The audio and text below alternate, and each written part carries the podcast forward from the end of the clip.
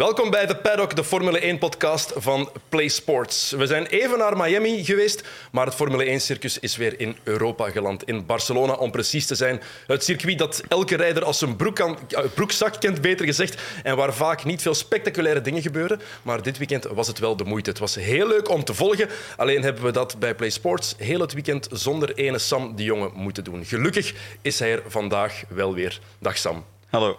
Het was eenzaam. Uh, voor jullie? betere dingen te doen.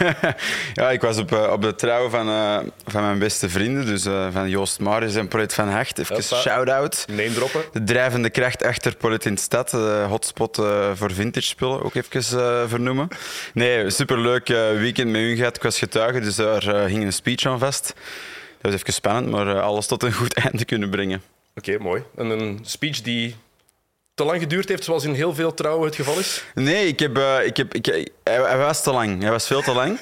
En dan s ochtends eh, op de hotelkamer, eh, want we waren al in het hotel van de vorige avond, al even, nog even geëvalueerd samen met mijn, met mijn lief. En dan de helft echt geschrapt. De helft echt? Want voor mij was dat vooral leuk, maar voor alle mensen dat er waren, was dat echt veel te lang. En, en uiteindelijk zijn dat meestal persoonlijke anekdotes en eh die mensen moeten kunnen volgen in het verhaal. Dus eh, ik heb het ko- eh, korter gemaakt en bondiger gemaakt en dat was gelukkig de juiste keuze. Dus een trouwfeest, dat betekent dat je gisteren met een kater de race hebt gevolgd. Absoluut, ja. Ik heb de race in herhaling bekeken en, en echt gevochten tegen, tegen niet in slaap te vallen. Maar dat lag misschien niet, niet per se aan de race zelf. Dus. Dat ligt aan, Dat is- een, dat is goed, positief. aan een goed trouwfeest. Ja, inderdaad. Eh, je hebt ook mooi volk bij vandaag. Ja, inderdaad. Ehm, we hebben de, de vorige twee weekends hè, samen doorgebracht. Dat gebeurt eh, tegenwoordig wel vaker. Ehm, maar op maandag, maandag is dat meestal niet het geval. Dus dat is een, een leuke kans om op maandag eens samen te zijn. Absoluut. En ehm, ja, meestal eh, wordt hij verplicht om, om te praten over dingen met twee wielen. En ik wil hem ook eens de kans geven om over zijn passie te komen praten. Dus welkom Tom Bonen. Thanks. Dag Tom, welkom Hey, terug in de paddock voor de eerste keer in deze studio. Ja, ja, inderdaad. Ja. Beetje Ik, wennen, eh, het is een beetje een, een tendens aan het worden dat de studio's zo wat klinischer worden. Hè? In de wielrennerij zijn we er ook mee bezig. Ja, het is al, ja, Ik want vind een ander gezelliger. Kijk, maar er komt binnenkort nog een ander aan. Allee. Het is voor na de zomerstop. Dus ik weet niet hoe die eruit gaat zien, maar die Ja, gaat, die gaat eens, gezelliger worden. Dan Kom je nog eens. Meer Ja, knuffels gewoon. Ja, wel, ja, dat bedoel ik. Zo wat warm en wat zachtheid. Je vond het zo plezant bij ons dat je zelf een podcast bent begonnen. Ja, inderdaad. Ja, we waren ook al bezig. Hè. We, waren al bezig. we waren ook al bezig. Maar inderdaad, ja, veel over de koers gepraat al dit jaar. En nu eindelijk tijd om nog eens eh, hier te gast te zijn. Nou, hoe is het met de eigen racecarrière? Eh, goed, ja. We hebben eh, ons eerste Carrera Cup weekend twee weken, drie weken, drie weekends geleden, of twee weekends geleden. Ja. En dan vorig weekend samen Hockenheim nog gedaan, 12 uur wedstrijd. Carrera Cup was goed geweest, voor ons allebei. Ik denk dat we alle twee zo wat in het onbekende stapten. We hadden niet heel veel trainingen kunnen doen. Ehm beperkingen in agenda, mogelijkheden voor het circuit. eh, allee, het was wei- weinig trackdays, weinig eh, testdagen Ja. mogelijk. Dus we hebben maar twee goede trainingsdagen gehad. Ehm, dan komt dus een raceweekend aan tegen gasten dat er al 9 à 10 jaar eh, in die Carrera Cup zitten. Die al die evoluties van die wagens hebben meegemaakt. Die al zo lang in een Porsche rijden. En de Porsche is gewoon een heel specifieke wagen. Dus kant en klaar gewoon... Echt, er bestaat niks zoals zo'n 911 qua layout. En daar heb je gewoon veel tijd voor nodig. Maar alle twee een klein succesje behaald. Dus podium bij de races. En dat is goed, hè? Een klein succesje. Het podium Ja. is meer dan een klein succesje, toch? Ja, ja, absoluut. Maar ik denk dat we vooral er al twee bij ingestapt zijn in de Carrera Cup om eh, dit jaar een, als leerjaar te zien. Met natuurlijk eh, het maximaal haalbaar, haalbaar resultaat eh, te, te- na, te, na te jagen. Maar ehm, ik denk dat we dit jaar wel nodig hebben om die aansluiting met de, de top in onze klasse Ja. vooraan te vinden. Want het ligt heel dicht bij elkaar. Ik heb gisteren toevallig nog even naar de Carrera Cup Duitsland gezien. Je moet eens kijken als je de mogelijkheid hebt. Die zaten op de Red Bull Ring, die laatste race. Dat was echt fenomenaal. Dat wordt hard gereden. Hard gereden. Is dat nog verbeterd, Sam? Tom. Ja? Ja, zeker. Ehm, ik denk dat de afgelopen twee jaar dat we ook samen hebben gedaan in, in die prototypes bij, Ja. bij Daldish Racing was, ja, was denk ik goed, omdat daar leerde zo snel rijden. Hè. Een auto met downforce, dus je gaat veel sneller in de bochten, je kunt laten remmen. Eh, op een bepaalde manier is dat bijna misschien gemakkelijker dan met de Porsche, want je moet minder werken. Hè. Het, is, het is meer een duidelijke lijn, maar je moet jezelf wel mentaal ook pushen om, om zo snel te durven gaan. En als je durft en snapt hoe het moet, om het uit te voeren. Want het moet natuurlijk wel op de juiste lijn zijn, anders werkt dat niet in downforce. En ik denk dat Tom daar wel heel veel van heeft geleerd. En als je dan nu naar een eigenlijk toch tragere auto teruggaat, Ja. eh, naar die Porsche, ehm, helpt dat wel omdat je iets meer headspace hebt gecreëerd om te kunnen nadenken tijdens het rijden. Ehm, en ik denk dat dat heel duidelijk eh, is geworden al in de eerste weekend. Dus Dat is dan ook weer een beetje de moeilijkheid, omdat je stapt dan in, een, in die Porsche, dat is, blijft een film, dat is een fenomenale wagen. Dat is, dat is eigenlijk, als je de wetten van de fysica een beetje begint over na te denken, dat weegt 1250 kilo en dat gaat hard, dat denk ik. ja. Maar ehm, het lijkt allemaal te traag te gaan. En die auto moet je gewoon heel veel respect geven ehm, in zijn gewicht, in zijn, zijn, zijn gewichtsverdeling, waar het de motor ligt natuurlijk. En ze zit veel te veel te wachten, naar mijn gevoel. Met Ja. de auto is het veel meer, je bent constant iets aan Ja, het doen. En bij klopt. een Porsche heb je veel wachtmomentjes. En als je die wachtmomentjes probeert te forceren, dan gaat het trager in plaats van sneller, want dan zitten we onderstuur te creëren en dat soort zaken. Dus dat is vooral, denk ik, het leerproces dat wij alle twee nog eh, doormaken nu. Eh, ieder op ons niveau natuurlijk. En eh, we gaan er wel komen. Ja. ja, het is ook die, inderdaad met zo'n Porsche, dat weegt gewoon heel veel. Hè. Die Norma, die prototypes, dat weegt amper iets. Dus de druk dat er op die banden en zo komt en de invloed van het gewicht is gewoon veel kleiner. En als je dan begint te pushen met zo'n Porsche, dan, dan gaan die banden heel snel veel te warm worden. En dat is de visieuze cirkel die Ja. we kennen. Dan gaat het slechter en slechter. Dus eh, zwart, het, is een, het is een leuk leerproces, denk ik. Hè. Waar, wanneer zijn, zijn de volgende wedstrijden? Eh 11, 12 juni Ja. in Zalder en Zandvoort twee weken daarna. Oké. Dus mensen kunnen komen kijken ook, hè, veronderstel. ik. Absoluut. Met deze oproep, Komt kijken. We rijden allebei voor de Dent Racing, dus eh, kom er eens dag ging zeggen. Zeggen, kom kijken, we rijden ze allemaal kapot. Als jij op de baan komt staan, wel, Dennis.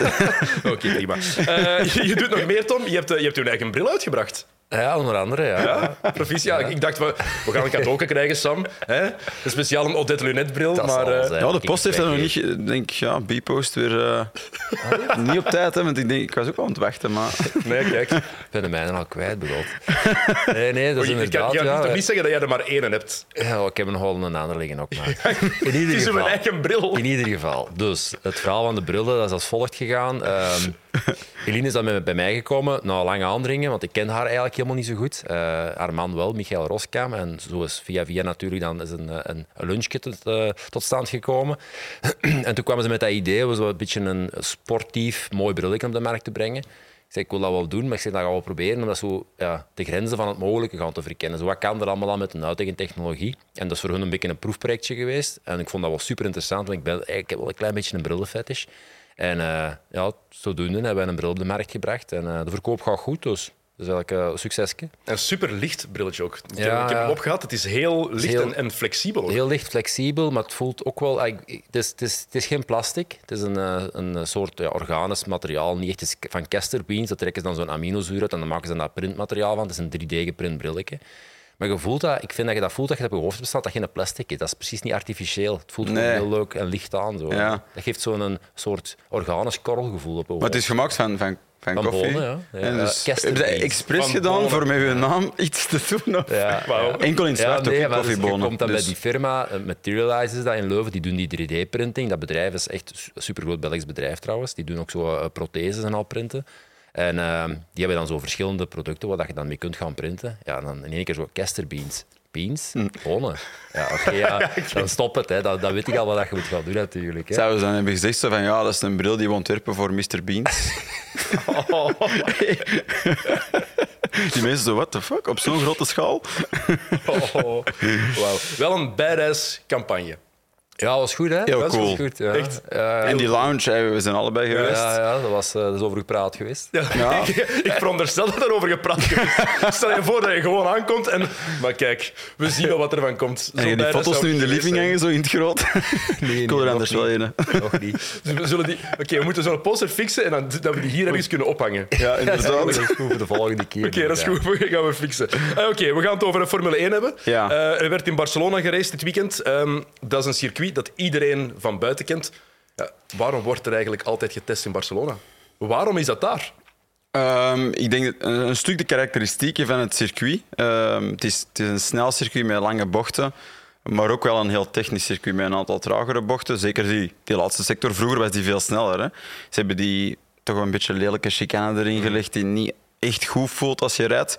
Maar, maar in die zin is het wel representatief eh, voor een heel aantal circuits op de kalender, denk ik. Plus eh, de kans op goed weer tijdens die testingperiode vroeg in het jaar. En niet heel ver te moeten reizen. eh, voor de meeste teams die natuurlijk based zijn in Engeland eh, of in Europa. Dus ik denk dat dat een aantal factoren zijn die ertoe hebben bijgedragen. Dus het is in die zin wel een circuit dat de teams ja, heel goed kennen. Hè? Rijd, je, rijd je daar zelf graag? Ehm, ja, ik rijd er graag. We hebben trouwens onze testing daar Ja, hè, als eerste dagen met de Porsche. waren dan de enigste twee dat daar slecht weer hebben gehad ook. Ja, is echt? echt twee dagen zo, maar licht druppelend. Hè? Niet, niet, niet genoeg water om de regenbaan te rijden en te nat verslikt. Zo. Ah, zo. Twee dagen aan het testen hebben we denk drie of vier, maar vier of vijf uurtjes gehad dat we nuttige dingen kunnen doen. Hè. De rest is in het water gevallen. Ja, dagen zelfs daar geweest. Maar het, was, het, is wel, het, is wel, het is een leuk circuit. Ja, hè? ik rijd er ook heel graag. Ik heb er al eh, twee keer de 24 uur mee gedaan in Barcelona. Ah, dat juist, en ah. eh, ik vind dat echt een heel, eh, is een heel uitdagend circuit. Ik hou altijd wel van circuits waarin dat de technische stukken snel zijn. En Barcelona, zeker ook die laatste sector dan, dat is een heel moeilijke technische sector waar dat je geduldig moet leren zijn en, eh, en juist zit. Echt juist zijn. Dus dat is een leuk circuit. Maar ik denk ook vooral, als ze dan eh, zoveel jaar geleden daar begonnen zijn met die testdagen, dan hebben ze ook altijd wel een eh, vergelijk. Je kunt nu niet gaan veranderen van circuit als je dan met nieuwe auto's en met nieuwe updates gaat gaan. Dus dan moet ik eigenlijk altijd zijn verplicht om terug te gaan naar hetzelfde circuit. En Ja. Het is ook wel een leuke coté om te verblijven natuurlijk. Hè. Er zijn slechtere plaatsen Barcelona, ja, te blijven. dat is wel oké daar. Eh, is het eigenlijk een voordeel voor de wedstrijd dat iedereen dat circuit zo goed kent? Eh, ik weet het niet Of goed. Want, soms in de Formule 1, allee, zoals we eh, dat, dat soms zeggen tijdens die sprintformat weekends, want het is net leuk dat je dan maar één vrije training hebt voor de quali, Ehm, omdat ze eigenlijk minder goed zijn voorbereid. Dus het level gaat omhoog natuurlijk, dat ze het circuit kennen, maar ergens de foutjes die misschien gemaakt gaan worden, zijn, zijn minder voorkomend. Dus in die zin denk ik van niet. Ik denk niet dat dat per se beter is voor het wedstrijdverloop. Ik denk dat het soms leuk is in zo'n sport als de Formule 1, die altijd perfectionistisch is, dat er eigenlijk minder voorbereiding is. Dat het Dus- zoeken is voor de piloot Ja, ook. ja. Ehm, iedereen komt wel altijd of met veel updates naar Barcelona. Is dat ook omdat daar getest wordt, dat ze het kennen, dat ze dan denken van oké, nu kunnen we die updates meenemen? Ja, tuurlijk. Ze zijn gaan testen eh, voor het seizoen. En, en dat is dan de baseline, zal ik zeggen. De basislijn, dat ze kunnen vanuit verder werken. Dus dat is hun referentie. Ze hebben die data al. En alle circuits die dan volgen, zeker met, met een nieuw tijdperk, een nieuwe auto, is altijd nieuw. Dus, ehm, dus op basis van die eerste referentie tijdens die, die wintertesting kunnen ze al een update beginnen bouwen voor afgelopen weekend. Vonden jullie het de moeite eigenlijk? Want er, er gebeurt vaak weinig in Barcelona. Ja, hè. Als we kijken de laatste jaren, veel spektakel hebben we daar niet gezien. Ik denk eh, dit jaar wel. Hè. De nieuwe auto heeft er waarschijnlijk ook veel mee te maken. En eh, er zijn toch veel dingen gebeurd die dat je dat de voorbije jaren niet gezien hebt. Hè. Is dat die nieuwe regels vooral, denken jullie ook? Die nieuwe wagen dat ervoor gezorgd heeft dat er toch nu meer Ja, te doen was? In combinatie met de heel hoge temperatuur misschien ook. Ja, in want het algemeen wordt er wel denk ik closer geraced dan de voorbije jaren. Ik vind het wel aangenaam om naar te kijken nu. Ja, en, en als je er zelf rijdt, zeker zie je dat die bochten zijn echt lang. En natuurlijk met downforce en die dirty air, waar de vorige generatie auto's echt slecht Ja. in werkten, of niet in werkten. Ehm, met een lange bocht is dat natuurlijk nog meer het geval, want je rijdt er dicht achter en, en dat effect wordt sterker en sterker en je moet afstand nemen of je rijdt de banden kapot. Ehm, dus in die zin is dit een circuit dat net de sterke kant van de nieuwe generatie naar boven brengt. En ik vind wel dat je dat kon zien. Maar langs de andere kant, onze, onze evaluatie ervan is denk ik al heel het seizoen geweest. Van het, het gaat de goede richting uit, maar het is ook geen magische oplossing. We blijven natuurlijk in een, in een sport zitten met aerodynamica. En daar kunnen we niet ineens voor zorgen dat die auto's als een treintje kunnen rijden. Dat Nee, kan gewoon niet. Hè? nee. Ja, bestaat er een magische oplossing? Nee, toch? Niet is echt. het toch gewoon niet? allemaal, eh, allemaal in een Porsche steken. Ja, Heel simpel. Ja, dat is. Ik heb ja. dat al een paar keer gezegd. Eigenlijk zouden ze zo de, de finale gewoon iedereen in een Porsche Cup. Allemaal dezelfde auto. En dan, dan, dan weten we het. Hè. Dubbele punten. Dan weten we wie dat het beste is. Dubbele punten allemaal in Ja, de Porsche. allemaal gelijke wapens. Nee, maar inderdaad, ik denk dat er... eh, er is geen magische formule om eh, met aerowagens in één keer eh, super close racing gaan te, te verwezenlijken. Dat gaat gewoon niet. Hmm. Maar de stap die gezet is, is echt wel een stap in de goede richting. Als je dan ook... het eh, duel tussen Russell en, en Maxi, eh, Ja. dat was in, met de vorige generatie auto's was dat gewoon niet mogelijk geweest. In die een bocht, dat gaat niet. Dan, Dat is ondenkbaar dat is ondenkbaar. Nu kan hij erachter blijven, die kan vol attackeren, er langs, er terug langs. Allee, echt, is dat volledig in zijn gat. En ehm, dat ging vroeger niet en nu wel. Dus ik denk dat dat een mooi voorbeeld was van wat er met deze auto wel kan. Eh, wat we ook zagen is dat het eigenlijk er allemaal fantastisch uit leek te zien voor Ferrari en Charles Leclerc. Want die had geen last van close racing, die was al lang weg. Niemand geraakte nog maar in zijn buurt. Ja, en dan ja, heeft hij pechproblemen. Dat geluidje dat was, dat klonk echt niet goed. En ik was er een beetje van, van geschrokken, want als er nu één ding is wat we van Ferrari geleerd hebben dit jaar, is dat, het, ja, dat die wagen echt heel betrouwbaar leek te zijn. En ineens was dat weg. Ik vond dat heel, heel bizar. Maar gelukkig zijn er nog verrassingen. Hè? Eh, dat, gaat, dat gaat toch voor een spannender seizoen zorgen in die zin. Maar ze waren inderdaad even verrast als ons, denk ik. Want uh, ik las dat Mathieu Benotto zei... Van het eerste dat wij ervan zagen of hoorden was toen uh, Leclerc zelf op de radio kwam. Dus het is niet, meestal zien ze in de data al van oeh, er begint hier iets mis te lopen. En dan kunnen ze dat doorgeven. Maar nu was het echt hij die het als eerste voelde. Dus zo um, sudden was het. Hè. Het was echt plots.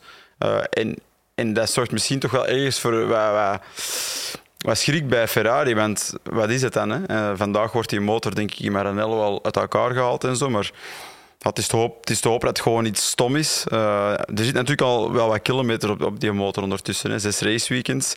Maar het, het, is voor hun eigenlijk heel lastig dat dat net valt voor Monaco. Want je probeert meestal Monaco nog door te komen met die motor. Ja. daar moet je niet heel veel power gebruiken. En dan is het ideaal om de race na Monaco eventueel een verse uh, blok te gebruiken. Dus in die zin zal het toch uh, voor Ferrari voor wat moeilijkheden zorgen. Hè? Ja, voor Leclerc zelf ook. Hè? Want die reed met zoveel vertrouwen rond. Als er zoiets gebeurt, je vertrouwen in die wagen is sowieso aangetast, toch? Ja, ik, ik denk ook, ik, uh, ik sta Sam daarin bij. Als er een elektrisch probleem was geweest, dan hadden ze waarschijnlijk dat al een aantal minuten of zelfs een kwartier of twintig minuten voorhand zien aankomen. Ik denk dat er echt mechanisch iets stuk gegaan. Een, een zuiger of, of ergens een klep of zo die blijven steken is en kapot gegaan is. Natuurlijk is dan de vraag, moet er een nieuwe power unit in of niet? Ja. Kan dat hersteld worden met voldoende vertrouwen om Monaco nog door te geraken?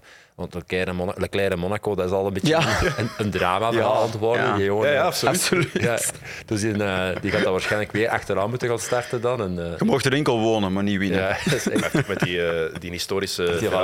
Ja. Geen remmen. Ja, nee, echt de schijf ontploft. Blijkbaar. Ja. ja. ik heb er een foto van gezien. Geluk, maar gelukkig was het dat, hè? Ja, ja ik dacht ja, eerst ook, hij heeft, hij heeft zo, geen tussengas of zo gegeven. Met die auto's was het natuurlijk nog helemaal anders. Maar um, gelukkig op dat stuk, hè. Stel je voor dat hij effectief gewoon gecrashed was gewoon door, door, een, door, een, door een fout driver, van hem. Driver error. Man, ja. dat is zo'n klassieke auto. Maar het zag er wel ongelooflijk knullig uit. Hè? En vooral wat je zegt, het is opnieuw ja. Leclerc in Monaco. Dat ja. loopt altijd mis. Ja, het is niet te geloven. Hè? Zo, hij zou dat toch eens een keer echt eens een prestatie moeten neerzetten als waar het beest zo van tafel is. Want ergens speelt dat wel mee. Hè? Dat is psychologisch. En je kunt zeggen, oké, okay, ja, je hoofd heeft misschien geen invloed op wat er met die auto gebeurt, maar precies toch wel. Natuurlijk wel. Ja, en stel dat je dan stel dat hem Pool haalt en, uh, en hij is die race aan het leiden, inderdaad, en puur psychologisch je doet driekwart van die race goed, maar Monaco is, er is zo weinig marge voor een fout en beginnen misschien zo de laatste Mhm. half uur zo te veel na te denken van als ik nu zelf iets fout. Als een auto het is overleefd, maar ik doe iets fout. Ik denk dat dat vaak als de racer ook uh, meespeelt. Hè, Dat dat is de je, barrière. Hè. ja, vanaf dat je te veel begint te denken. Ja, en, veiligheid bouwde in om, uh, om comfortabel te zijn. Hè. En natuurlijk, als je niet goed bent, of je voelt je eigenlijk niet goed je vel, of je zit met te veel marge, dan zijn je gewoon te traag. soms is het makkelijker De barrière om ja, ja, die zo klein op de limiet te. Ja. Omdat je dan weet van je, je doet het maximum. En niks te verliezen hebben, zo. Ja. niks te bewijzen hebben ook niet. En dan werkt alles het beste. Dan Ja, en, dan zeker als je in je achterhoofd ook hebt van oké, vorig jaar ben ik hier in de kwalificatie gecrashed, ik ben hier met Alfa ben ik hier gecrashed. Elk jaar is er iets misgegaan Ja, ja, voor die echt. mensen. Ik denk dat dat aan een tijd ook wel begint mee te spelen. En ja, als je tijd hebt om na te denken, dan, dan heb je echt een groot probleem. Ja, in een raceauto zeker. Dan moet je eigenlijk geen tijd hebben. Nee, absoluut. Ehm, maar ik ben benieuwd wat dat gaat betekenen voor volgende week ook met die, voor die wagen van de, van de kleine van Ferrari. Te want- weinig tijd, hè? Want dat is één, er is weinig tijd. Maar ook als we keken naar wat er aan het gebeuren was, opnieuw dominant. Hè? Leclerc leek met zijn vingers in de neus op weg naar, naar een nieuwe overwinning. Ik denk niet dat er iemand nog maar in de buurt was geraakt gisteren. Ja, het leuke is dat Ferrari echt wel eh, een soort van rust over zich gekregen heeft door de, Ja. de seizoenstart. En ehm, ik denk nu ook niet dat ze nu in één keer super zenuwachtig gaan worden hierdoor, maar ik denk dat ze wel eh, ja, het natuurlijk ten gronde gaan uitzoeken wat er juist gebeurd is. Maar ehm, nee, de, de kalmte bij Ferrari in het algemeen, eh, dat verrast mij zelfs. Ja. Ehm, ik denk dat vorig jaar inderdaad een beetje een, eh, een, een schakeljaar geweest is voor hun. Dat ze zoiets hadden van gezegd ook in de box. Gewoon. Die waren chill, die, wouden, die waren zelfs niet van het vechten voor de constructeurstitel. Nee, nee, dat was is, hè. Ja. Koffietjes drinken en pasta eten. en, eh, maar dat wel pasta hard go aan gegaan. En die hebben gewoon een keischone... En, en ik, zie- je ziet het aan alles, vind ik ook. Eh, de uitrusting. Eh, ik vind dat alles goed precies een update heeft gehad. En ze zien er gewoon allemaal keistrak uit. Die auto is mooi. Ja. Het is een van de mooiste auto's in het veld, vind ik. En het marcheert. En ehm, ja, de flow zit daar goed. Het marcheert, behalve bij Carlos Sainz. Want dat was opnieuw de, ik vond die opnieuw de teleurstelling van het weekend. Ja, ik ben er niet helemaal mee akkoord. Nee? Zeg maar. Ja, ik vind dat Sainz is natuurlijk eh, vergaat een beetje in het niets bij, bij Leclerc. Het is altijd zo net niet, maar ehm, ik, ben niet, ik ben niet helemaal akkoord met een tendens dat ze zeggen van, dat hij niet goed aan het rijden is. Ik denk, eh, Het is, het is moeilijk, hè. Allee, soms één klein foutje en je zit in de greenback en dat komt dan direct zo mega slecht over, alsof dat je niet kunt rijden, wat natuurlijk absoluut niet is. Ik denk dat er wel een tendens is dat Leclerc beter om kan met die nieuwe wagen, maar, Ja. dat zie je eigenlijk in elk team. hè. Je ziet Ja. altijd wel één iemand van de twee. Ik zou bijna durven zeggen dat dat bij Russell en Hamilton ook het geval is. Die auto is zwaarder, chunkier, dikker. eh, en je ziet ook, eh, dat zag je ook afgelopen weekend, eh, dat de achterkant nogal hard schuift, hè, wat oversturend. Ehm, zeker op dit circuit. En, en sommige mensen kunnen met die snap overstuur, die plotse overstuur, kunnen er iets beter mee om. Ehm, maar ik vind, wat, wat klopt, eh, wat jij zegt Tom, kijk naar Verstappen en die maakt in dezelfde bocht een fout Ja. dun Verstappen die zo'n car control heeft. Dus dat, dat was voor, voor mij toch zo een beetje een pleister op, op de wonden van Maar ik heb Carlos het zelfs niet Sainz. helemaal over die, over die spin. Het gaat meer over daarna ook. Ik vond dat hij Geen sterke indruk. Nee, hij, hij was te weinig aan het pushen, is misschien verkeerd gezegd, maar ik had wel verwacht dat hij nog meer ging proberen om dichter bij dat podium te geraken. Nog om zeker dichter bij Russell te geraken. Is voorbij Hamilton geraakt puur en alleen omdat Hamilton moest inhouden. Ja. Omdat hij niet meer door mocht gaan. Van, eh, hij kon gaan van zijn team eigenlijk. En als dat niet was gebeurd, als Hamilton gewoon geen probleem had gehad met zijn wagen of die instructie niet had gekregen, dan was Sainz vijfde geworden. En als je kijkt naar hoe goed de Ferrari is, is dat dan wel voldoende? Ja, maar wat Sam zegt, hè, ik denk dat Sainz vorig jaar in eh 80% van de wedstrijden de meerdere was in het team. Ja. En dat hij gewoon veel meer tijd nodig heeft om, eh, om de nieuwe wagen helemaal de baas te worden. Maar ehm, Ja. Het is niet omdat je iets meer struggelt met een auto dat je slecht ontrijdt. bent. Ik denk dat hij vooral op het einde van de wedstrijd de prijs betaald heeft van inderdaad soms wat te overdriven met die bak. En dat zie je in veel wedstrijden terugkomen. Ehm, en dat hij daardoor gewoon op het einde van de wedstrijd niet veel band meer heeft. En Want we hebben het ook over, daarnet gehad over, over, eh, over Leclerc die te veel kan beginnen nadenken in Monaco. Ja, als dit, dit het was de zesde race van het, week, van, eh, van het seizoen en elke week gebeurt er wel iets met Sainz. Mhm. Elke week merkt, merkt hij dat Leclerc sneller is. Ja, dat kan ook in je kopje kruipen. Hè? Ja, absoluut. Maar ik denk wel, als we eigenlijk kijken naar zijn begin bij Ferrari, ehm, was dat een beetje hetzelfde als nu. Ik denk dat zijn methode van iets te leren soms is om te snel over de limiet te gaan, om zo sneller te herkennen wat de limiet is, wat ik wel snap ergens. En in dat proces er- ergens gewoon accepteert van dat gaat samen met crashes enzovoort. Want dat was in het begin ook veel gecrashed bij Ferrari. En dan ineens stopte dat en werd dat enkel beter. Hey, laten we hopen voor hem dat dezelfde methode is deze keer en dat hij gewoon probeert en zichzelf de kans geeft. Ehm, maar ik denk dat het sowieso wel in zijn hoofd kruipt en ook die slechte start. Hè. Hij had een hele slechte start. Hij viel bijna stil hè, Ja, die eh, start. ja, inderdaad.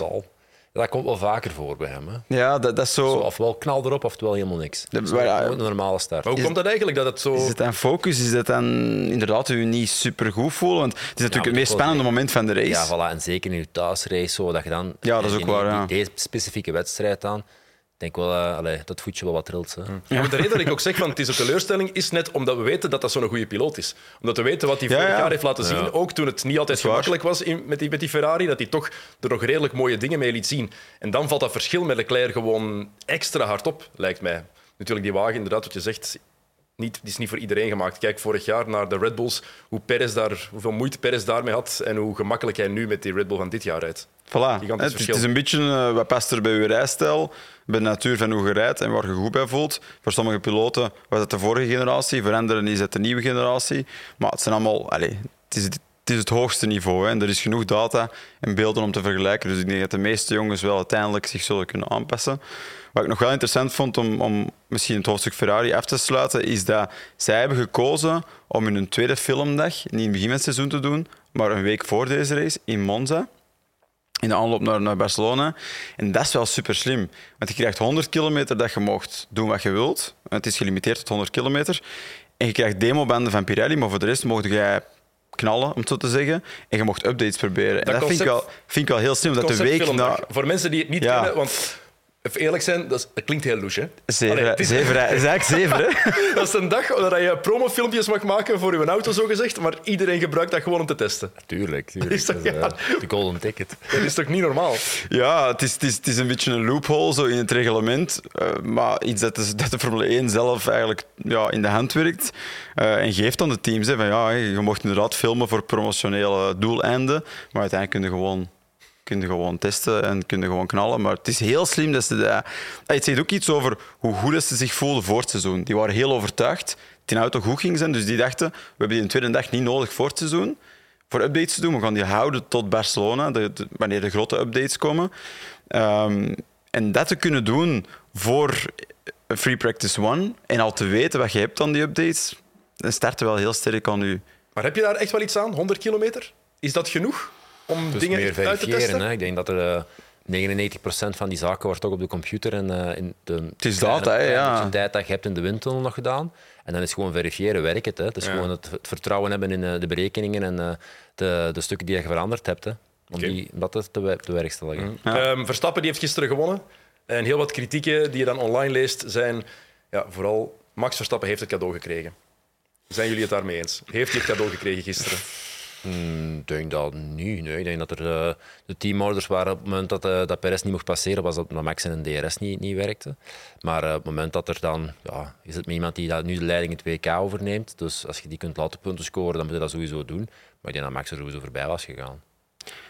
Het is die boodschap van Perez heeft de boodschap gekregen ja. van hij moest Max laten passeren op een gegeven moment. kwam misschien op een ongelukkig moment. De, tijds, allee, de timing daarvan was misschien niet ideaal, omdat wat je zegt, het leek alsof hij er gewoon wel voorbij zou geraakt zijn. Ja, het is, het, is, het is denk ik vooral spijtig, omdat, Sergio, die wordt eigenlijk beter Perez. eh Perez. Ehm, en nee, maar dat is, dat is los van de mop. Is dat wel echt... Die zit misschien wel in de beste periode uit zijn carrière. Ook natuurlijk in, in de beste kans van zijn carrière, bij een topteam als teamgenoot van Max Verstappen. En het is echt spijtig om toe te kijken en te zien dat, dat hij mag hem dat niet benutten nu. Hij kan dat niet benutten. Dat vind ik ergens erg en erg voor de sport. Maar langs de andere kant, hoe zou je zelf zijn met als Max Verstappen in je team? Zouden niet altijd gokken daarop? Want hij vroeg het. Allee, dat, dat is toch, dat is degene die, het- die zal het uiteindelijk doen. doen. Als er een kans is om wereldkampioen te worden met een piloot, dan moet je toch toegeven dat het Max Verstappen zal zijn binnen dat team. Ja, Het blijft natuurlijk, die mannen zijn ook gewoon dik betaald voor wat ze doen. Hè. En als je een Ja. teamorder krijgt, dan eh, moet je gewoon een teamorder volgen. Hè. Perez heeft toch ook zo'n contract getekend met de wetenschap, ik ben nummer twee. Voilà. Voilà. toch- En ik denk dat dat in Dat dit geval ja. eigenlijk niet ter zake doet. Want ik denk dat Max sowieso had gewonnen. Maar natuurlijk, ja, hoe breng je zo'n boodschap? En ja, de sociale media's en de commentaarsectie die staan natuurlijk open voor iedereen. Dus Ja. je hebt fans van alle allure dat erop commentaar geven. Maar ehm, is Lang leven sociale media. hè. natuurlijk is het beste wat er is. De keyboard warriors. Je- Het beste leger wat er is ter wereld. Ja, Perez kan ook niet, eh, want hij heeft zijn grote droom overigens bekendgemaakt vorig jaar, van ooit wereldkampioen te worden. Ja, dat gaat nooit lukken. Als hij moet- een een team moet veranderen om ergens nummer 1 rijder te worden, dan gaat hij waarschijnlijk altijd een stap terug moeten gaan zetten. Dus de enige kans die hij heeft, dat zou dan bij Red Bull moeten zijn. Maar dan moet er al heel veel gebeuren. Want dan moet Max eigenlijk al Ja, drie, voilà. vier, vijf wedstrijden uitvallen voordat hij ergens in de running gaat komen. Want En op een zeker- gegeven moment- Zeker dit jaar niet. Want op een gegeven moment zei hij van ja, ik, ehm, Max moet mij laten passeren, want ik ben sneller. Zelfs al is dat het geval, no way. Dat klonk ook autori- allee, het klonk een beetje autoritair van zijn kant. Hè? Maar no way dat ze dat gaan toelaten toch bij Red Bull. Dat ze daar, en achteraf was het ook van ja, oké, wat er gebeurd was, ehm, we moeten er nog even over praten. Wat gaat hij zeggen? Wat gaan ze tegen hem ook zeggen? Dat is gewoon zitten en zwijgen, maat. Tuurlijk. Ja, dat, is, sorry, bij Red Bull zeker. Dat is een team dat zo werkt en, en toch wel wat harder is, in, denk ik, in, in, met hun piloten enzovoort. Eh, Christian Horner ook. Ehm, dus ik denk inderdaad dat, dat ze moeten gaan oppassen dat dat niet, dat dat niet gaat gebeuren nu met Perez. Hè. Want hij voelt zich duidelijk goed. Hij is snel, hij zit veel closer bij Max. Die auto ligt hem beter hè, met, met, met onderstuur en dat bandenmanagement. Dus dat hebben we allemaal gezien. Ehm, ze, moeten, ze moeten het nu in, gaan in de hand houden en gaan containen. Zijn, als, als die persoonlijke ambitie bij hem, bij hem begint Ja, te groeien, van, dat, het te sterk gaat worden. Dat hè. is, dat is zo een, een, een steeds weerkerend fenomeen in alle sporten. Hè. Je kunt iemand in eh, de comfortzone waar dat Perez in zit, supergoed laten presteren, want eigenlijk heeft hij niet echt veel druk. Hij heeft een druk Ja, van zijn waar. eigen prestaties en, eh, en goed te rijden. Maar zit je in de, in de situatie waar dat Max in zit, van jij moet het hier gaan doen, jij moet je een tweede wereldtitel gaan Dat is iets helemaal anders. Soms bevriest dat gewoon. Hè. Ja. Je ziet dat in de koers, je ziet dat in de autokoers, je ziet dat overal. Dat mannen dan in één keer, ja, ik ga dat ook eens gaan proberen, want ik wil, ik wil eerst de viool spelen. En dan werkt dat gewoon niet meer. Dan, dan bevriezen die, hebben die Ja, voilà. en- Vanaf dat die dan de druk krijgen van oké, nu moet het, als je dan toch nummer Ja. 1 wilt zijn, nu moet het wel doen. Voilà, dat tikkeltje, Moet. Ja. dat tikkeltje zo van eh, uit je schaduw komen, dat is, dat is vaak een heel grote stap. Maar je ziet dat ook heel vaak in bepaalde ploegsporten. Zo Het eerste jaar dat een ploeg voor een titel gaat en ze Ja. winnen een titel, dan is het als één geheel. Maar de, de, de disease of, of more, of the disease of me, he- heeft de Pat Riley dat ooit genoemd, de legendarische NBA-coach. Omdat spelers dan aan een tijd zien, oké, we hebben het als ploeg bereikt. Ik, was, ik had ook wel een belangrijke rol, maar ik kan meer. Dus... ja. En dan blijkt achteraf vaak van, nee, Nee. je kan meer, maar niet genoeg om de nummer één te zijn in Ja. een bepaalde ploeg. Ja. ja, de underdog-positie is ergens een, een fijne om te hebben. Hè. Zeker als je... Hè? Plus, jij krijgt ook Ja. altijd sympathie mee. Hè? Ja, zo, voilà, inderdaad. 80% van de mensen zeggen, allee, die Perez, die moet dat toch goed kunnen. En, en elke keer als hij dan zoiets zegt, dan is dat inderdaad van, ja, zie het wel, ze, hij heeft hem moeten voorlaten. Ja. Maar in de realiteit Ja. is dat gewoon zo niet. Je kunt het enkel beter doen als underdog. Hè. En als je vooraan zit, dan kun je het enkel slechter doen en teleurstellen. hè. Kijk nu naar Lewis Hamilton. Die heeft terug de sympathie van de meeste mensen meegekregen, omdat hij wat tegenslag heeft, omdat hij achteraan bengelt. En, eh, gisteren reed hij dan een goede koers. En dan in één keer is dat terug, ja, iedereen is terug mee. Terwijl dat de voorbije jaren was Ja. dat zo'n beetje een moeilijke. Hè, want- Voorbij Hij jaren te was het- veel. Hij heeft gewoon een goede wagen. Nu is het, ah ja, Ja. die kan toch met een auto rijden. ja. Dat zo- kon het een bakker. Dat is, dat, is, dat, is, dat is zo het de verschil. Zouden ze die ehm, teamorders ook niet ergens geven aan Perez uit schrik voor een mogelijke aanrijding? Voor als Verstappen er voorbij zou willen dat ze effectief zouden duelleren. Ze kennen dat daar. Hè. Vettel Webber, om maar iets te zeggen. Ze hebben de Plus de Max. bij Red Bull. Hè. En Max. Max die zo agressief is. Maar ja, misschien, misschien wel. Ik denk wel, ja, nu dat ik er aan terugdenk, eigenlijk Perez met Ocon zeker. Bij, was, ook, was ook altijd. Toen met, met Ja, dus ik denk, denk dat dat misschien wel klopt als je die twee heethoofden dan samen krijgt, dat het misschien eh, een potje overloopt. Ehm, maar dan om misschien even de switch te maken naar, naar agressief rijden. Ik vond dat duel inderdaad met Russell, met, met de Mercedes, wel echt cool. En dan zag je ook van... Dan, dan, dan, ik was echt aan het hopen van... Ik hoop dat Mercedes dat verder zit waar ze in zit, die, die opwaartse lijn. Want dan zie je dat Russell, die kan ook echt racen. Hè? Russell is echt een racer. Hè. En dat is, dat is wel cool, want die generatie van jongere piloten die heel getalenteerd zijn, hopelijk kunnen die teams een beetje op hetzelfde niveau komen en dan gaan we nog jaren kunnen smullen ervan. De toekomst ziet er fantastisch uit. Ja, hè. Norris, eh, George Russell, Ja. Max, dat zijn allemaal gasten. Leclerc is ook Ja. 4, 23, 24. Ja, maar Leclerc is ook zo één, hè? dat is ook één die lift ook niet. Hè? Nee. Het is allemaal heel close duels en eh, niet, niet afgeven. Zo. En ik vind dat echt mooi dat ze daar zo wat de gaten moeten gaan inzoeken. Zo. Want het zijn eigenlijk allemaal wel dezelfde stijl. En als je dan effectief een paar goede teams hebt, stel je voor dat McLaren effectief stappen Ja. kan zetten de komende jaren, dat je met vier teams hebt die misschien door die, die salary cap die er is, door die cost cap die er is, dat die effectief Ja. dichter bij elkaar komen, dan gaat deze sport toch alleen maar mooier worden om te zien nog. Ja, ik denk dat die salary cap, soms lijkt dat van, allee, ze mogen nu evenveel uitgeven, waarom zien we dat niet dat dat gelijk is? Dat is ook iets dat, dat maar levelt na een tijd. Ja. Dat voordeel van jaren maal vijf hebben te gespendeerd, is er nog altijd. En inderdaad, denk ik, hoe verder dat we gaan gaan, bij een aantal jaren gaat het toch veel, veel dichter bij elkaar eh, zitten, level playing field. Ehm, en als je kijkt ook naar, er was 300.000 man doorheen het weekend. Ehm, ja, Formule 1 zit gewoon in een supergoed moment. En, en ik denk dat dat gewoon genieten is voor elke fan. Ja, George Russell, we zeggen dat al, al jaren, van, ja, dat is de toekomst van, van, van Mercedes. We wisten dat hij die talent heeft. Maar hij bewijst het nu wel elke week opnieuw dat ze duidelijk de juiste keuze hebben gemaakt om die mensen in het zitje van Valtteri Bottas te zetten. En maar niet, ten volle. Ja.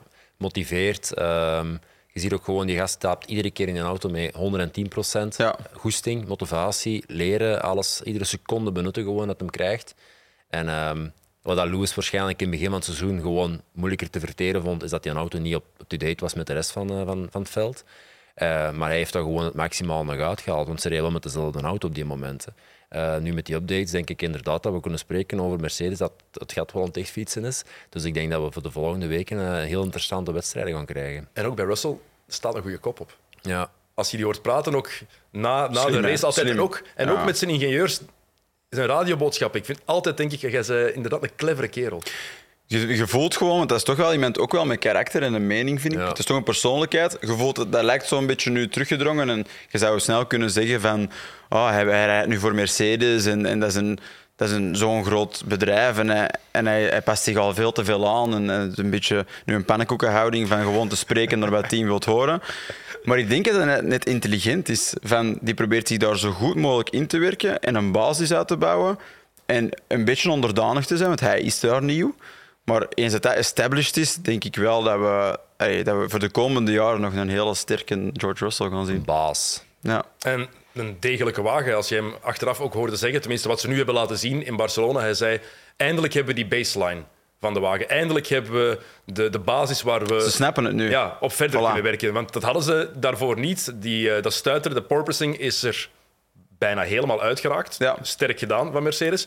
Maar als je dat ook als een piloot dat durft zeggen tegen de media, dan weet je dat effectief daar ook aanwezig is, die, die, die basis. Anders zeg je dat toch gewoon niet? Ja, natuurlijk niet, want dat is natuurlijk hun, uh, hun camouflage. Hè? Ja. Ze kunnen zeggen van het, is, het zijn wij niet, het is een auto. Ja. Dus uh, om dan echt volmondig uit te spreken na één raceweekend van we zijn er, we zijn op de goede weg, we hebben de basis te pakken. En uh, we hebben eindelijk begrepen wat er aan de hand was, want dat is ook precies toch een moeilijke geweest. Wat ik raar vind voor Mercedes, om zo... Uh, we hebben er toch lang over gedaan om uit te vogelen wat er net aan de hand was. Maar nu zijn ze er terug, hè, dus... Ja. dat het inderdaad wel een redelijk probleempje is geweest. Hè. En dat het ingewikkelder is dan dat we allemaal beseffen. Ja, zeker als je weet hoeveel data dat er is en hoeveel slimme mensen dat daar zitten.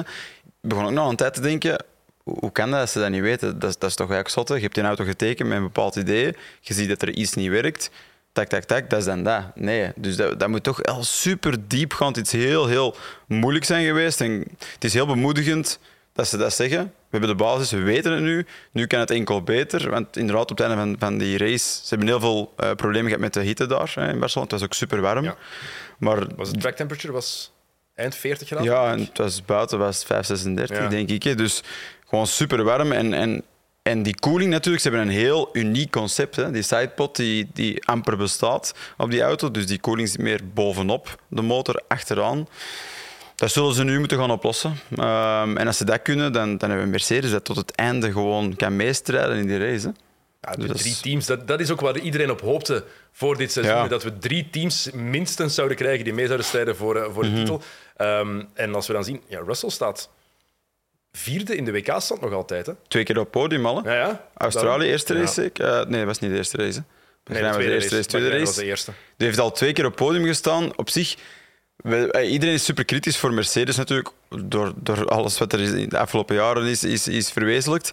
Maar op zich, een team dat start uit zo'n hopeloze positie, met een auto die uiteindelijk niet blijkt te werken, en die nu al terug daar zijn, dat is toch wel goed gewerkt. Allee, absoluut. het Is toch wel, je moet er maar uitkomen. Hè? Ja. En het is nog, nog maar race 6 van de 22. Hè? Ja. Het toont ook aan zo de complexiteit van zo'n auto bouwen. Hè. Als je dan kijkt als Mercedes zijnde, dat is, dat is allee, de standaard waar iedereen naar opkijkt. En eh, zelfs die krijgen het dan nog verkeerd. En dat vind ik toch wel echt straf eigenlijk. Zeker omdat die inderdaad Ja. die basis hebben van de laatste jaren. Je zou denken, ja, die hebben zeven, acht jaar gedomineerd.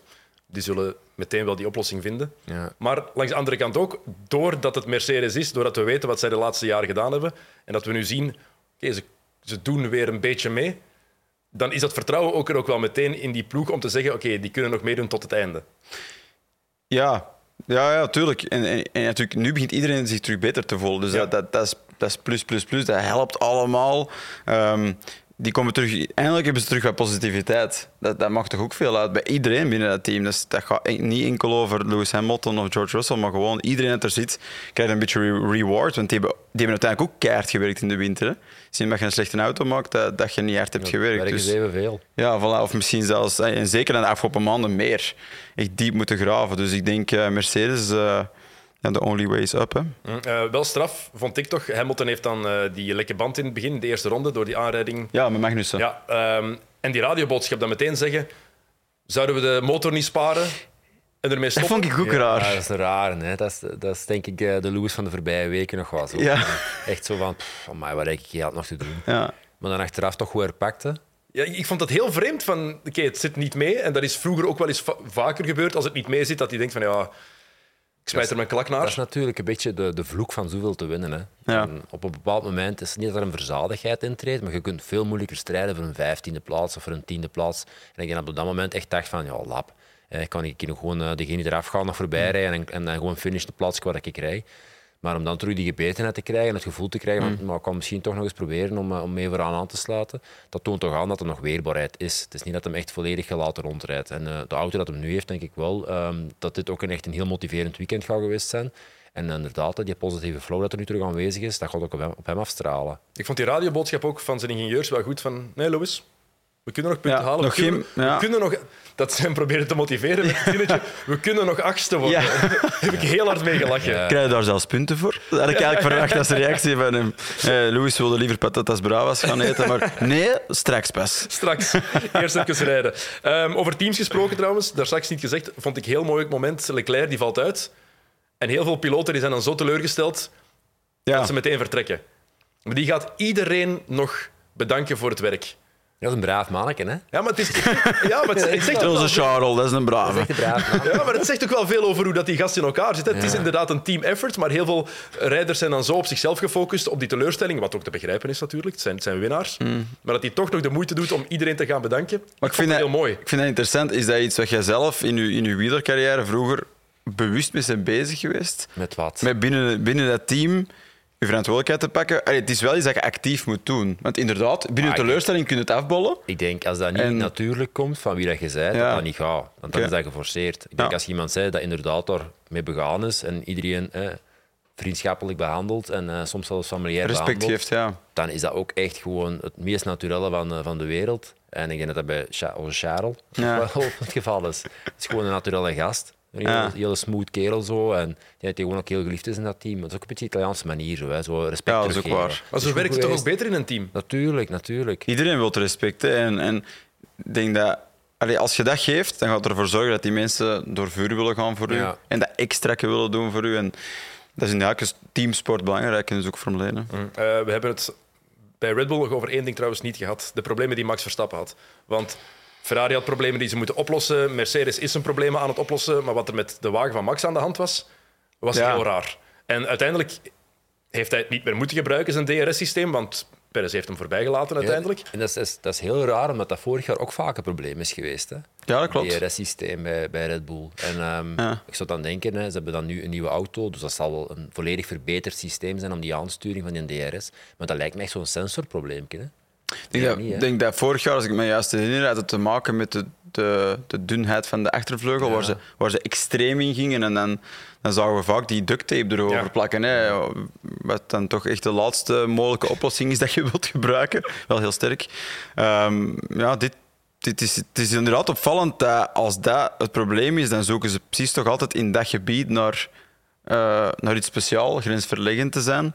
Anders dan, dan loopt het risico toch niet om, om dat mee te maken. Dus het is niet heel goed natuurlijk. Ja, Ja, want ja, dus want- ze zagen het...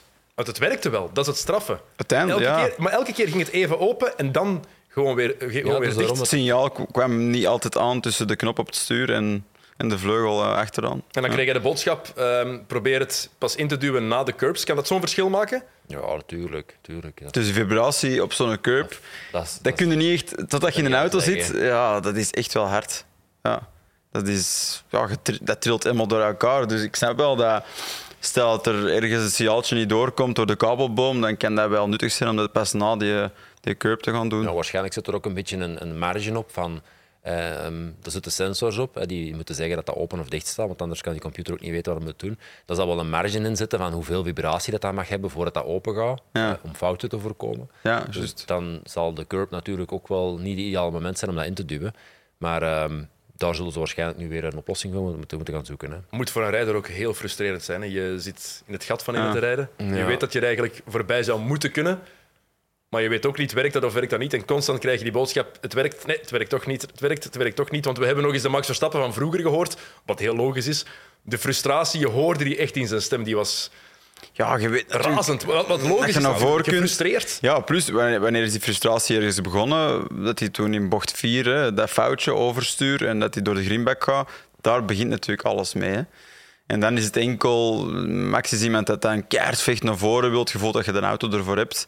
Maar die auto stelde hem niet in staat om dat te doen. Dus ik, vond dat, vond dat logisch. Maar uiteindelijk heeft hij het slim gespeeld. Ook met dat gevecht met Russell had ik het gevoel dat Max, de vroegere Max, altijd dat moment wilde pakken van nu moet ik het doen, maar er is geen enkel ander moment in de koers dat dat gaat lukken. En dan had het maar afgegaan. Voilà.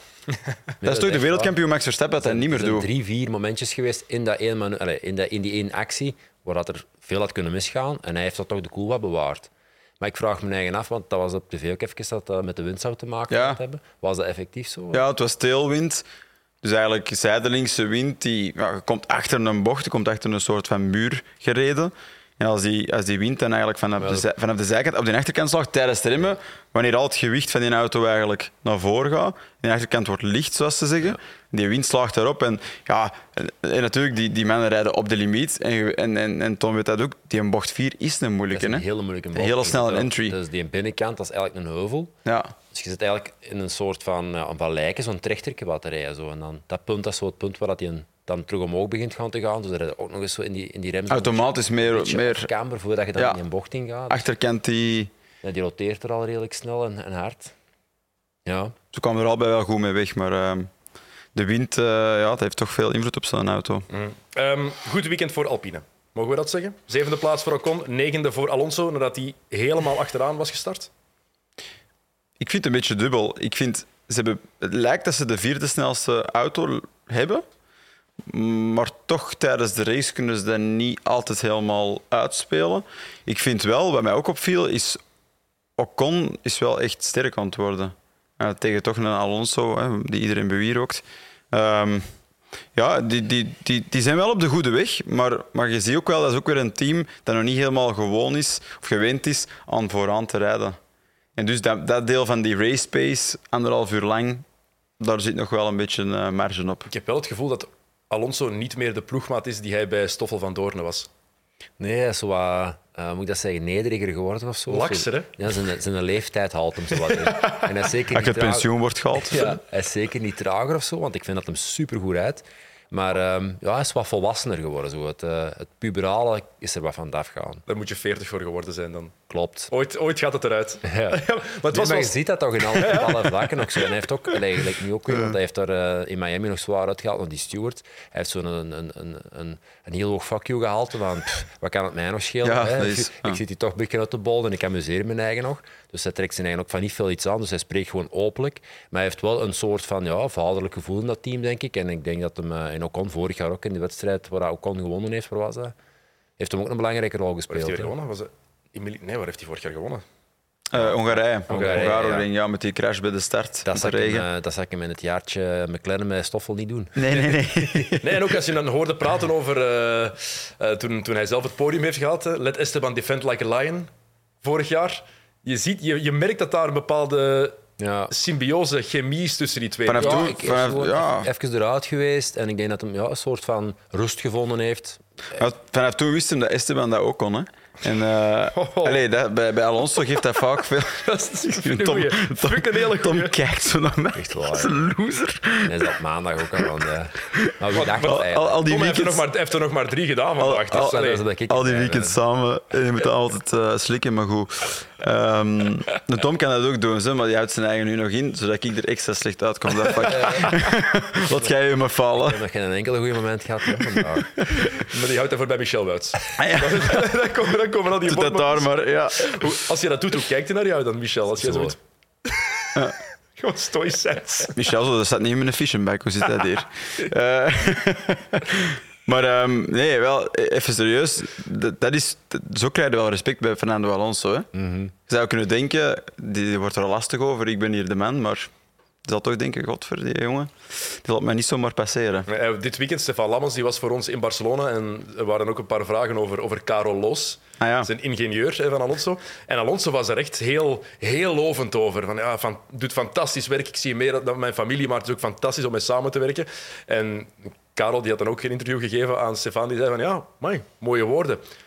Normaal krijg ik complimenten krijg ik normaal niet van, eh, van Fernando. Nooit rechtstreeks waarschijnlijk. Het is makkelijker Ja, natuurlijk ja. om het via een omweg te zeggen. Dus die was er wel zo'n beetje van aangedaan van, ah, oké, Maar ik ben, toch bevestiging dat ik goed bezig ben. ik ben er wel van overtuigd, en Alonso die nu rondrijdt, dat dat echt altijd een meerwaarde kan zijn voor heel veel teams. Dat denk ik ook wel. Die heeft zo'n bakervaring. Hij heeft natuurlijk in de voorbije jaren waarschijnlijk dat niet voor iedereen willen delen. Maar eh, ik denk op dit moment in zijn carrière dat dat echt een meerwaarde kan zijn. Ook voor Ocon, voor zijn evolutie. Want we Ja. hebben het over die Ja, jonge, ook over jonge rijders gehad. Er zijn, is ook er nog zijn geen nog, er zijn nog 35 jaar. teams die dat zo iemand zouden kunnen gebruiken momenteel. Hè. Ja, want je moet je inbeelden, zo tijdens de debriefing. eh, Veel meer dan Vettel.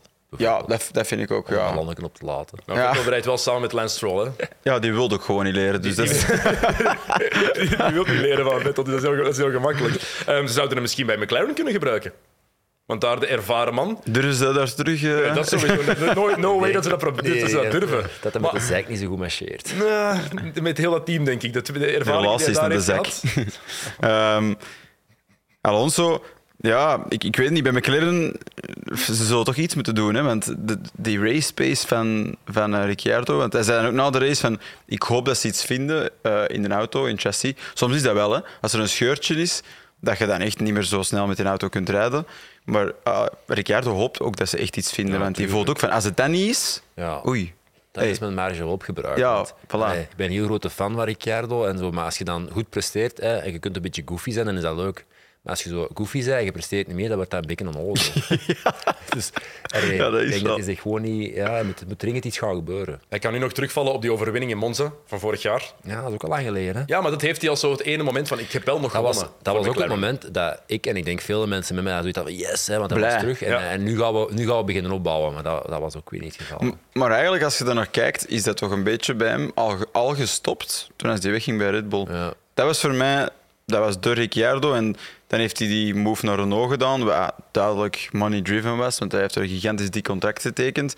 En dan was het precies zo van, ah, ik, ik, ik, ik ben hier binnen voor het leven. En, en dat pakte een beetje van de motivatie precies weg. En dan hij andere dingen in het leven ook gaan doen. En inderdaad, ja, op YouTube van alles gaan maken en filmpjes en zo goofy beginnen doen. En dat heeft toch de focus weggepakt. En dan heeft hij die ene uitschieter. Hè? Bij Renault was het ook zo. Het, Ja, ja. Podium, het podium bij Renault, nu die overwinning bij McLaren. En daar kan je dan een klein beetje opteren.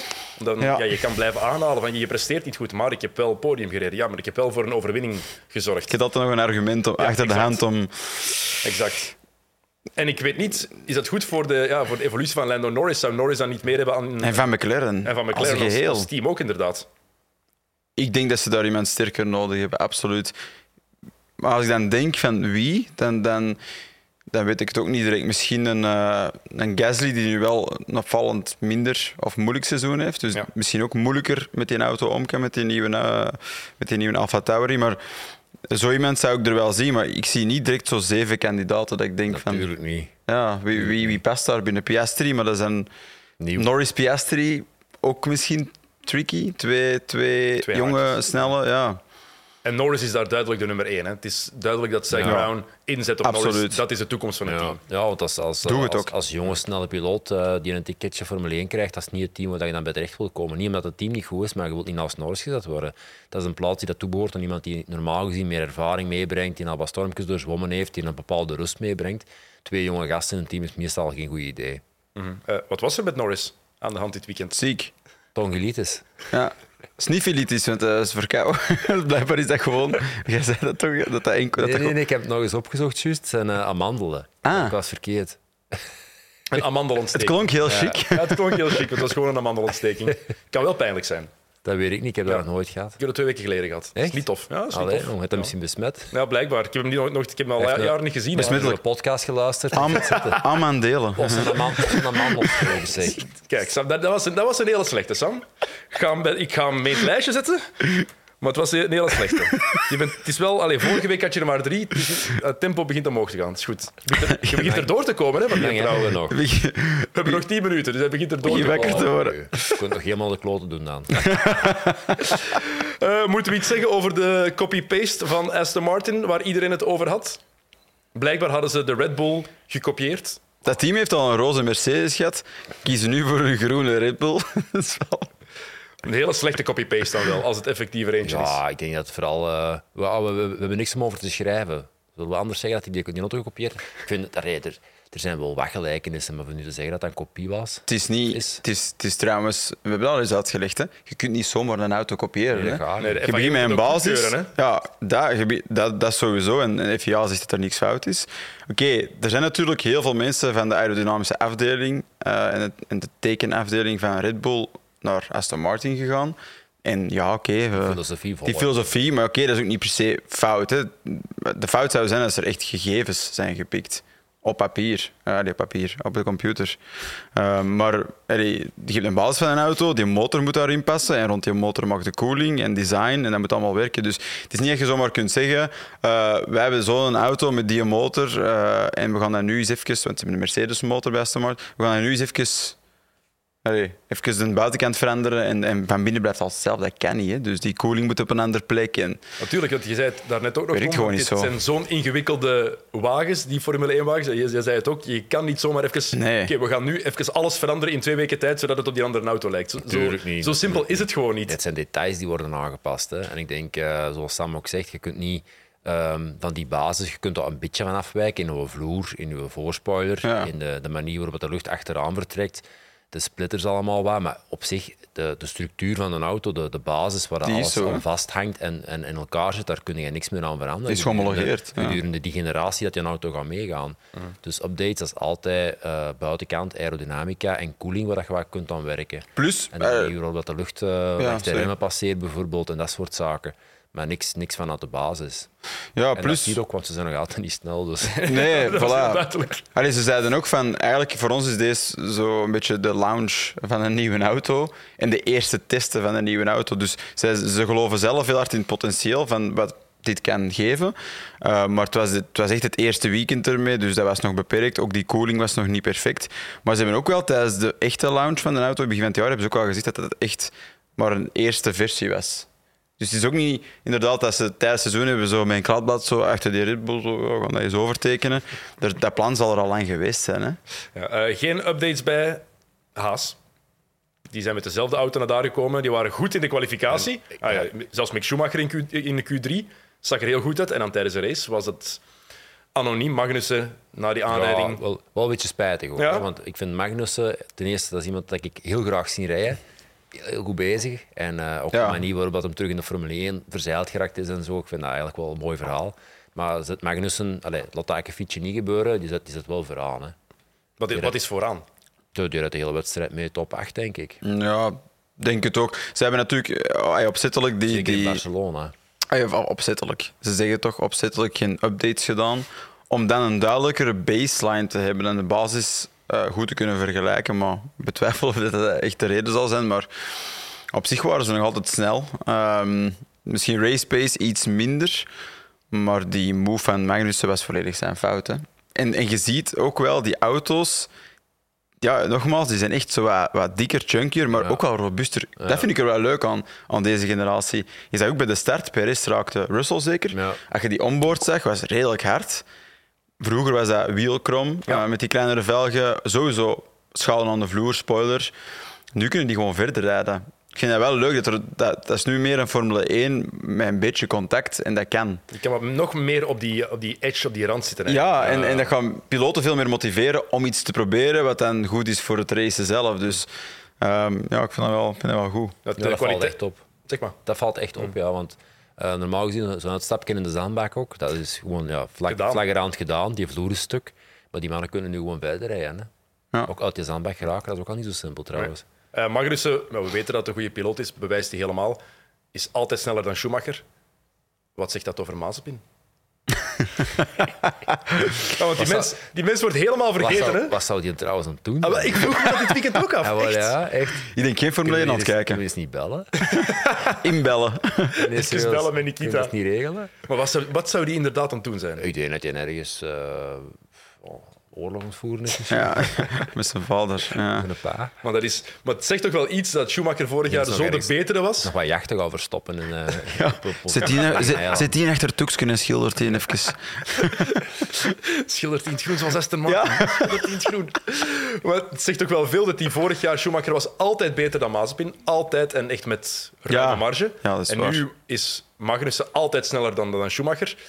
Dan zegt dat meer over de kwaliteiten van Magnussen Ik vind, vind, of meer over hoe slecht Mazepin eigenlijk was? ik vind het vooral erg. Ik vind, ja, ja, moeilijk om te zeggen, want ik, wil- ik wil nu niet zeggen dat, dat Schumacher echt slecht Ik is. vind dat ook niet. Mm, Want hij is ook duidelijk iemand intelligent en zo. Ik denk dat dat deel bij Mazepin eh, duidelijk ontbrak. Ja. Zo die intelligentie van te willen leren. En ook in, die, in de Netflix-serie zie je dat ook, dat hij zo heel ah, bijna primitieve antwoorden geeft. En heel oppervlakkig van het gaat niet, want dit en dat en dat. Dus- Privilegeerd. Ja, inderdaad, ja, inderdaad, dat zal er absoluut mee te maken hebben. En Schumacher is wel iemand die wil werken. Ik denk wel intrinsiek dat hij gewoon niet zo goed is als Magnussen. Maar Schumacher, dat blijft inderdaad straf voor iemand die uit zo'n familie komt, die opgegroeid is in heel veel rijkdom, Mm. met die, Ja, die is nederig. Hè? die is heel nederig. Ja. Maar ook principieel. Hè. Michael Schumacher was wel iemand die echt wel allee, heel afgemeten werkte. Dat is toch altijd geen evidentie dan om als zoon van... Nee, dat is waar. Zo, en ook naar zijn team toe. Ik vind die altijd heel, heel waar, beleefd, heel ja. correct naar het Maar team toe. hij heeft in ieder geval een goed voorbeeld gehad Ja, dat is in zijn waar. opvoeding. En dat kunnen we misschien bij Mazepin in vraag stellen. Hè. Dat kan inderdaad. Eh, we hebben nog een paar minuten, dus ik wil nog één vraag stellen. We hebben een Belg in de Formule 2 met Amaury Cordeel. Kan Mhm. die de Formule 1 halen? Zit daar genoeg in om die Geld, stap te geld of talent? talent? Ja, geld is iets anders, maar ik puur even over talent. Ja. Eh, In de huidige tijd denk ik niet. Er zitten er nog een paar mannetjes in de wachtkamer die daar eh, beter zijn. Simpel is het. Als je ziet wie dat er vorig jaar niet kunnen in Formule 1 geraken is, Ja, dan ehm allee, dat weet je wel genoeg. Hè. ja absoluut. En allee, het is wel natuurlijk, die, die kraamkamer, die Formule 2, is moeilijk. Veel mensen hebben er veel tijd voor nodig gehad. Soms twee, drie, vier jaar. En om daar Nick de Vries vier jaar nodig had om kampioen te worden. Dus het is niet zo gemakkelijk met dat tire management enzovoort. Maar zelfs los van dat, je moet echt hard willen werken. En ik weet niet of dat bij hem zo aanwezig is. En Nick de Vries heeft mogen rijden dit weekend zeker. Was het niet? echt? Ja, FP1 bij Williams. ja. Laat, laat Toen werd het stil. Ja, ik Wow. weet het niet. Ik weet het niet. Ja, is, hij, is, hij, gaat hij, is hij goed genoeg? Gaat hij zijn Eh, kans krijgen? Ik denk dat Nick, Nick is. Ik vind een heel goede piloot. Het is wel heel snel. Hij heeft overal veel tijd nodig gehad, maar hij is wel zo nu in een fase van zijn carrière dat hij wel overal goed is als hij rijdt. Dus Maar dan moet hij de kans krijgen. beter dan Latifi, absoluut op dit moment. Ja, moet hij de kans krijgen. De volgende die een kans krijgt is Piastri. Hè. Als het puur over talent gaat, Ja, dat is toch te hopen, ja. no way. Dat moet toch, Je hè? moet, eens kijken, je moet eens kijken wat er de volgende drie, vier jaar gaat, gaat vrijkomen van plaatsjes. Dat zal Vettel, Alonso, Hamilton. Hamilton. Latifi gaat toch ook niet blijven bij Williams. Ja, maar dat zijn dan hè, de mannen die van... ah, dan gaan er één of twee misschien nog eens vervangen worden die daar eh, hun geld op is. Want Ja. zo simpel is, die zitten dan niet omdat ze beter zijn dan iemand anders. Dus eh, dat zijn niet heel veel plaatsen dat er de volgende jaren gaan vrijkomen. De rest zijn allemaal jonge gasten die supergoed zijn en die dik betaald worden om daar te zijn. En waar ze een meerjarenplan mee hebben. Dus Mm. er zijn niet veel plaatsjes die vrijkomen de volgende jaren. Hè. Maar het gaat nog interessant worden. Oké, we moeten afronden. Tom, dikke merci om nog eens af te komen. Kom over een eh, paar weken, maanden nog maar eens af. goed. Om wat te zeveren. Sam, eh, jij bent er volgende week weer. Eh, ja, Ook in de studio, zaterdag en zondag. ook in de studio. Grote prijs van Monaco, die is er dit weekend. En die kan je natuurlijk ook volgen op Play Sports. En volgende week zijn we dan terug met een nieuwe paddock. Bedankt om te kijken of om te luisteren of om allebei te doen. En tot volgende week. Salut.